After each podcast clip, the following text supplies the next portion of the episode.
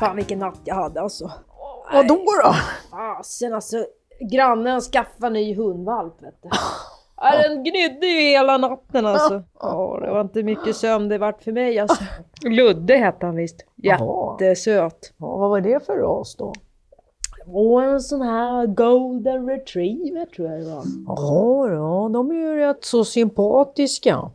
Men annars är det ju lite kinkigt tycker jag med sådana här hundägare som, eh, som helt enkelt släpper sina jyckar lösa. Va? Det är ju problem med parkerna här i innerstan med det. Ja men det är ju, de har ju för fasen ingen koll på folk, barn eller folk som är rädda för hundar. De bara Öser på va? öser på. Ja, det är Ganska ingen e- hänsyn inte.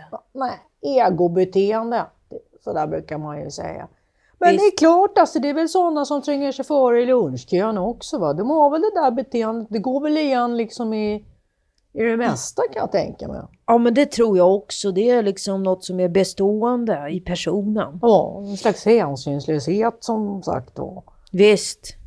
När sa du då att vi skulle komma idag då? Ja, jag sa ju det är ju tveksamt om vi hinner överhuvudtaget. Men eh, skulle vi hinna så, så blir det ju någon gång, ja, någon gång under dagen. Ja, någon gång under dagen, ja. Och då har man liksom inte låst in sig på något sätt. Utan då... Nej, man vill ju inte måla in sig vet du. Nej, man vill ju inte. Man vill inte måla in sig. Och då eh, Arne, han målare runt hörnet som de hette. Han målade ju in sig i hörnet också, det var därför firman hette. Måla sig runt hörnet, för han var ju tvungen att måla sig runt hörnet han hade målat in sig.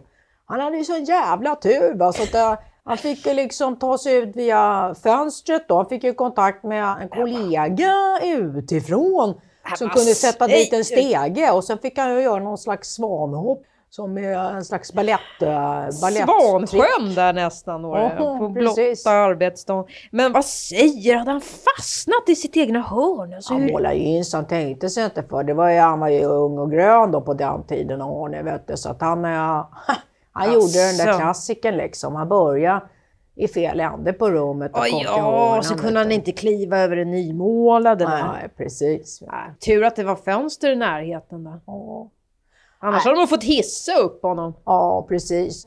Ja, men balett, alltså, jag har ju aldrig varit på balett. Alltså, jag undrar hur det är egentligen. Ja, det är nog fint värre alltså. Ja. Jag undrar om jag ska gå och titta på balett. Vi kanske ska gå och titta på balett där som julavslutning. Vad säger du om det? Ja, varför inte? Undrar om man får biljetter till det var du. Ja, man kanske kan eh, ta förmiddagen och kolla upp det alltså.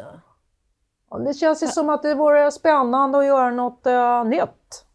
Absolut, och inte gå i samma cirklar som man säger. Nej, man vill ju gärna trampa annorlunda fotspår helt enkelt. Ja, men visst. Kanske kan åka förbi och fråga, du vet, eh, nere på operan där hur det går till. För det finns ju en bra tobak också på vägen ner, men alltså över söder här nu Ja, då, som vi kan lämna in på. Ja, kan vi slå två flugor i en smäll? Så kanske vi kan käka på bakfickan där eller någonting. Nu kan jag ha rätt så schysst lunch där ibland. Jag känner lite folk där, vet. man har ju dragit en och annat rör där nere. Absolut. Ja, vi kanske kan få gratis tickets va? Jag har ju dragit rör kom jag på där nere va? Ja, men det är självklart vi kan få gratis då. Ja, det var ju ganska schysst kanske. De hade ju inte klarat sig utan det där röret. Nej, säkert inte. Va? Det hade ju blivit katastrof. Va? Hela den där restaurangkoncernen där. Va? hade ju inte gått en jävla massa med kackerlackor där också. Tänk om man skulle gå ut med det, vet du. det kan man ju inte göra. Det vore ju skandal. Ja. Äh, nej, men ska vi ta och sticka då så länge så kan vi ju komma tillbaka hit sen.